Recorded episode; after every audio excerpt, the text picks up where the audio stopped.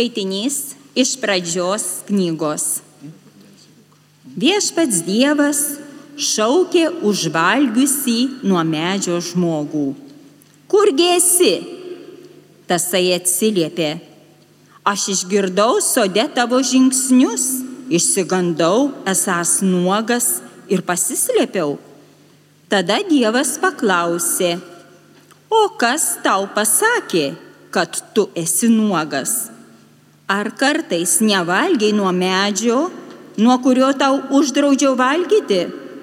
Žmogus atsakė, moteris, kurią man priskyrei, padavė vaisių ir valgiau. Viešpats Dievas kreipėsi į moteriškę. Ką padarėjai? Moteris teisinosi, angis mane suvedžiojo ir valgiau. Tuomet viešpats Dievas pasakė angiai, kadangi tai padarėjai, tu būsi prakeikta tarp visų gyvulių ir laukinių žvėrių. Tu šliauši pilvu ir esi dulkės per visas savo gyvenimo dienas. Aš sukelsiu nesantaiką tarp tavęs ir moteries, tarp tavo atžalos ir jos palikuonies. Jis sutrins tau galvą, o tu tykosi jo kulno.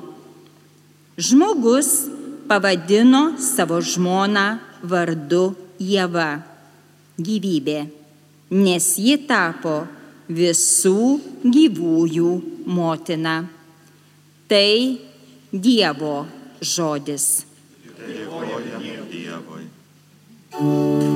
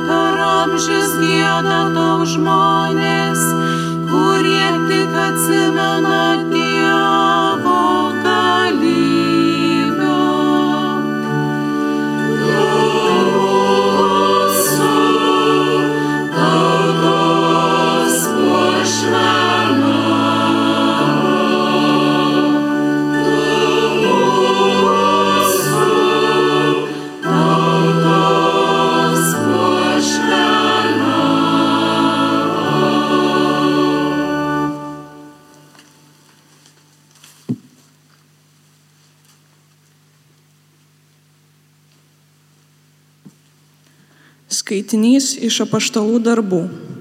Kai Jėzus buvo paimtas į dangų, apaštalai sugrįžo į Jeruzalę iš vadinamojo alyvų kalno, buvusio netoliese, kiek leidžiama nueiti šabo dieną. Parėję, jie susirinko aukštutinėme kambaryje, kur buvo apsistoję. Ten buvo Petras ir Jonas, Jokūbas ir Andriejus, Pilypas ir Tomas, Baltramiejus ir Matas, Alfiejaus sunus Jokūbas, Simonas Uolusis ir Judas, Jokūbo brolis. Jie visi ištvermingai ir vieningai atsidėjo maldai kartu su moterimis ir Jėzaus motina Marija bei jo broliais. Tai Dievo žodis. Dėkojame Dievui.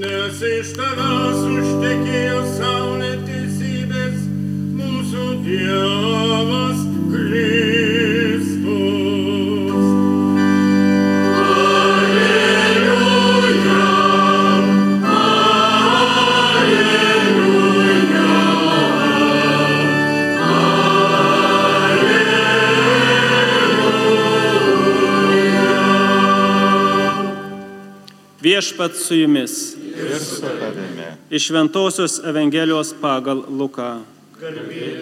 Viešpatie.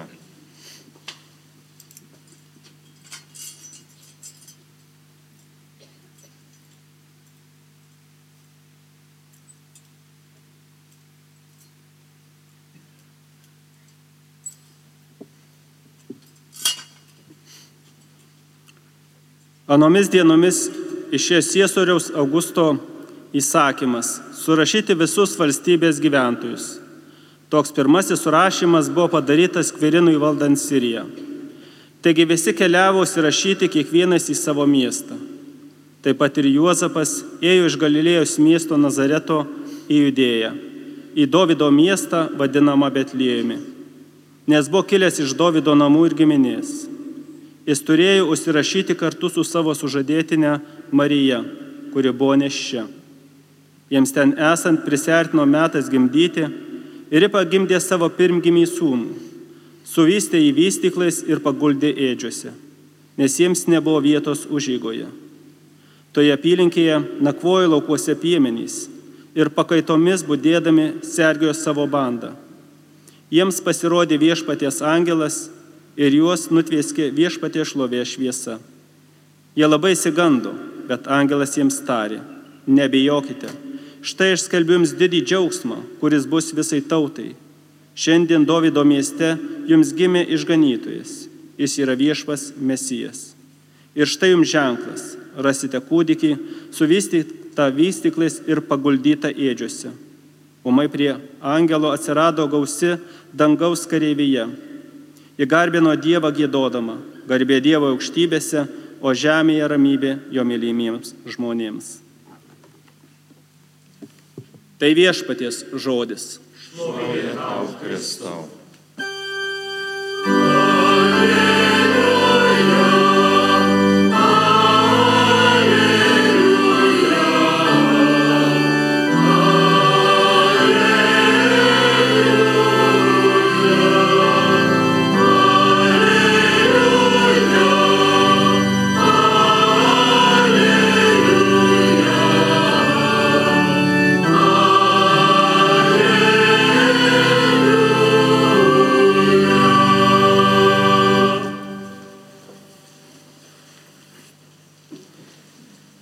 Eminencija, ekscelencijos, broliai kunigystėje, broliai seserys pašvestame gyvenime ir tokių mačiau čia šiandieną. Mėly visi, broliai ir sesės Kristuje, čia Šiluvoje ir kartu besijungiantys Marijos radio dėka, transliacijos dėka į mūsų bendrą maldą. Taikos siekis, taikos siekio diena, labai taip gražiai, taikliai vardinta ši diena čia Šiluvoje.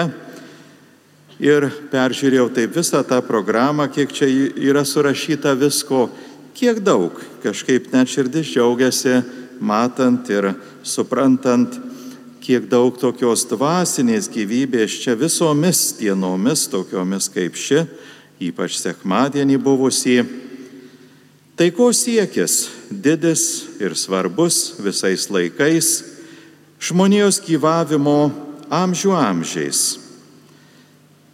Jau nuo kainų rabilio laikų kraujo praleidimas žmonių tarpe yra labai didelė problema.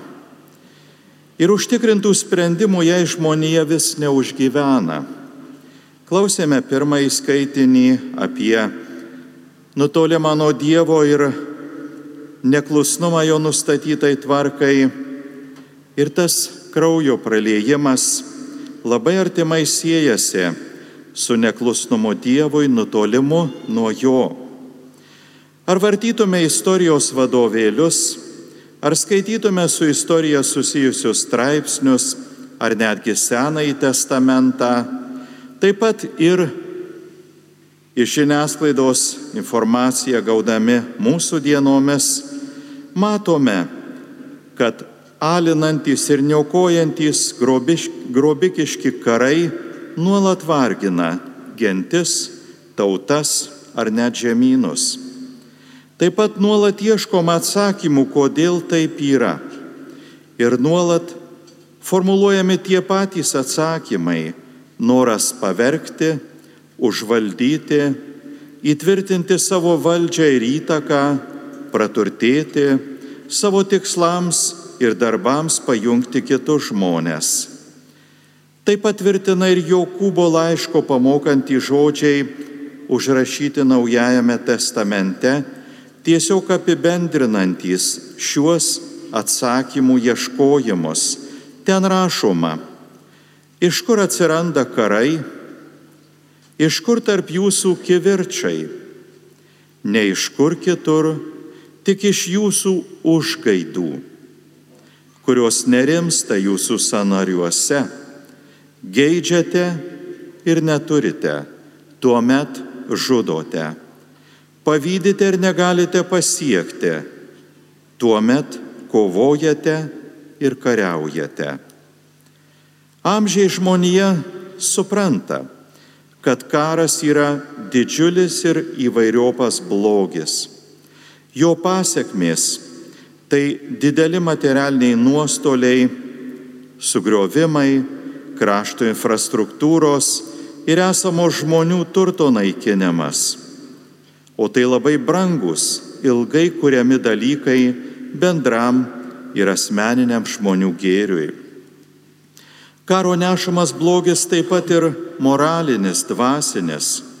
Tai didelis supriešinimas, keršto ir nepykantos proveržiai, kartais dešimtmečiais besitęsiant ilgalaikį neapykantą. Karas tiesiog greuna žmonių gyvenimus, žaloja daugelio sveikatą netgi atima gyvybę. Virš pusantrų metų vykstant karui Ukrainoje, jo tikrovę labai artimai jaučiame ir mūsų krašte. Jau atrodo persisotinome vaizdais ir naujienomis pasiekiančiomis iš karo zonų. Norisi kažkokių taiką užtikrinančių sprendimų ir veiksmų, kartu norisi teisingumo.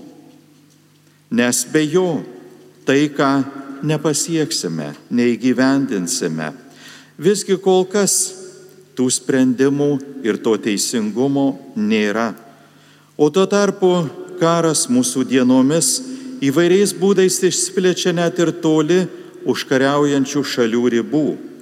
Jis skatina ir skleidžia neapykantos priešui mintis, jausmus ir žodžius Palaikančioms Ukrainą valstybėms taip pat daug kainuoja sutelkta parama, bet tokia pagalba reikalinga, kad nepaliktume nelaimėje vienus užpultus Ukrainos žmonės, kai žiauriai ir negailestingai niokojama jų šalis. Yra ir kita, kaip sakoma, medalio pusė, padedant kenčiantiems nuo karo nelaimės, apjungiant ir daug gerų solidarumo iniciatyvų, visgi tuo pačiu suvienijami geros valios žmonės, ugdomas gerumas, pasiaukojimas, artimo meilė. Todėl su tuo, kas gera ir kas bloga, gyvenant drauge mūsų kasdienybėje, protuose ir širdyse, tegul bręsta gėris, kartu skatinantis ir pastovios taikos troškimą. Kartu te moko mus iš pasiekiančio blogio atgarsių, brandinti gėrį, dvasinį ypač gėrį, parodant solidarumą kenčiantiems žmonėms įvairią pagalbą ir palaikymo. Mūsų pasiekiančius blogio aidus savo mintyse viduje stenkimės perkeisti į dvasinį gėrį, kasdien asmeniškai ir bendruomeniškai jungdamiesi maldoje prašant taikos. Antrasis skaitinys šiuose mišiuose priminė vieningą apaštalų Jėzaus motinos Marijos kitų moterų maldą. Ta vieninga malda, kai karo banga neša susipriešinimą, nepyta, nepykantą ir malda už taiką, kartu brandina mumyse ir geranoriškumo, atjautos, solidarumo su nukentėjusiais taikos siekio bangą. Apie tai galvoti ir kalbėti svarbu, nes karas, jo žiaurumai daugelį tiesiog nužmogina. Prieš kiek laiko teko girdėti pamastymą, jog tokiu sunkiu laiku tikinti žmonės turi padėti kariaujantiems nesiekti tik aklo neapykantos skatinamo keršto, padėti nesužvėrėti. Apie tai mastant nors ir nesinori, visgi svarbu prisiminti ir Jėzaus pamokymus Tai net sunku išgirsti tame fone, jog ir priešus turime mylėti. Kaip tai atrodo sunkiai suvokiama ir įgyvendinama karo fone. Čia norisi prisiminti, kaip tik 12 dieną šiandien Marijampolėje minėjome palaimintą Jurgį Matulaitį, kurio ir toks dvasinis moto buvo blogi nugalėti gerumu, vieną dienoraščio mintį, kuri taip pat mums taip vaizdžiai pailustruoja tą priešiškumo ir neapykantos kainą. Jis rašo, ta gaiži, neapykantos rūkštis, kuriai leidžiame viešpatauti mūsų širdyse, daugiau mums patiems kenkia negu mūsų skriaudėjams. Ji mūsų pačių širdis ėda. Būdami krikščionėmis, turime ir apie tai susimastyti Juk gyvename nesenojo testamento laikais, kai galiojo principas akis už akį, dantis už dantį. Gyvename naujojo testamento laikais, kai Jėzus moko apie sutarimą, gailestingumą, atleidimą, taiką. Žinoma, tai nereiškia naivumo, žvelgiant į agresoriaus siekius. Tai nereiškia, jog užpulta šalis neturi teisės ar net pareigos visomis išgalėmis gintis nuo visą niokojančio ir pavergti siekiančio užpuoliko, ginti savo žmonės. Visgi turime būdėti ir kad neapykantos kalba skatinama karo, neapykantos mintys nepavergtų mūsų proto ir sielos. Karo Ukrainoje fone ir mūsų krašte, viešoje erdvėje žmonių pokalbiuose tokių tendencijų yra ir gali vis daugėti. Tad svarbu visai aiškiau suprasti, jog tokia neapykantos kalba, kai ji pamažu skverbėsi į visas gyvenimo sritis, keičia, blogina žmonių tarpusavio santykius, negatyviai veikia jaunąją kartą ir turės ilgalaikės pasiekmes. Krikščioniškas tikėjimas, gyvenimas pagal evangelinius pamokymus gali padėti nenužmogėti padėti galėtume sakyti veikti ir prever, prevenciniai, kad negrimstume į vis didesnę abejingumo, liūdėsio, sumaišties, priešiškumo gelmę. Iš antrojo pasaulinio karo, pirmąjį jau mažai kas pamena, turime daug ypatingų, netgi šventaisiais ir palaimintaisiais paskelbtų vyrų ir moterų pavyzdžių, kai tvyrojusi neapykanta, nužmoginimas jų neužvaldė, nesužlugdė, nesugniuždė, bet priešingai, net sunkiose, ypatingai išskirtinai sunkiose gyvenimo aplinkybėse skatino gėriui, ar koncentracijos stovyklose, ar kažkur fronto linijoje, ar užnugaryje, padedant kariaujantiems. Vienas iš tų pavyzdžių galėtų būti šventasis kunigas pranciškonas Marija Maksimilijonas Kolbė, kuris visame tame fone koncentracijos stovykloje, kur blogis tiesiog atrodo viską persmelkė, tokį nepaprastą Kristum sekdamas pasiaukojimą padarė savo gyvybę atiduoti už kitą žmogų šeimos tėvą, kuris galbūt dar galės pasirūpinti savo šeimą ir savo vaikais, tiek išsilavinęs, tiek gerą nuveikęs, tiek darbavęsis misijoje, turėdamas tokią didelę patirtį ir e, savo tokį išugdytą gilų dvasingumą, kartu čia ir šilovoj prisimintina pamaldumą nekalčiausiai mergeliai Marijai, ryžosi visą tai atiduoti, galėtume sakyti, nurašyti, dėl to, kad tas paprastas žmogus šeimos tėvas galbūt galėtų sugrįžti pas savo vaikus. Siekime ir mes kartu žodžiais ir darbais, taip pat ypatingai ta sutelkta malda, kuri buvo minėta antrame skaitinyje, įvairiais darbais kildinti daugiau gerumo, solidarumo, atjautos ir duok Dieve, kad tai persvertų blogį, agresyvumą, neapykantą mūsų viduje ir kasdienio gyvenimo aplinkoje. Švenčiausios mergelės Marijos šiuo metu ypatingai čia minimo Šilovoje, litanijoje net viena invokacija mini taiką - karalienė taikos, melskė už mus. Iš lotynų kalbos, nes originalas ir šios maldos yra lotynų kalba, kiek žinau, jeigu mes tą žodį verstume į lietuvių kalbą, prasmė būtų kiek platesnė, ne tik taika, tai yra karo nebuvimas, tai taip pat yra ir mūsų širdies vidinė ramybė. Tad visų tų dalykų melskime kartu taikos ramybės karalienę. Prašykime ir šventosios dvasios Dievo ir mūsų visų dvasinės motinos, kad jos užtarimu ta šventoji dvasia kaip pagalba mums kleistųsi kasdienybėje įvairiais gerais įkvėpimais, pamokymais, kartu randant vidinių jėgų pasipriešinti blogio tendencijomis, tendencijoms, kartu mokant blogį veikti gerumu. Dar viena nesenai į Marijos litaniją įdėta invokacija Motina vilties, melskė už mus.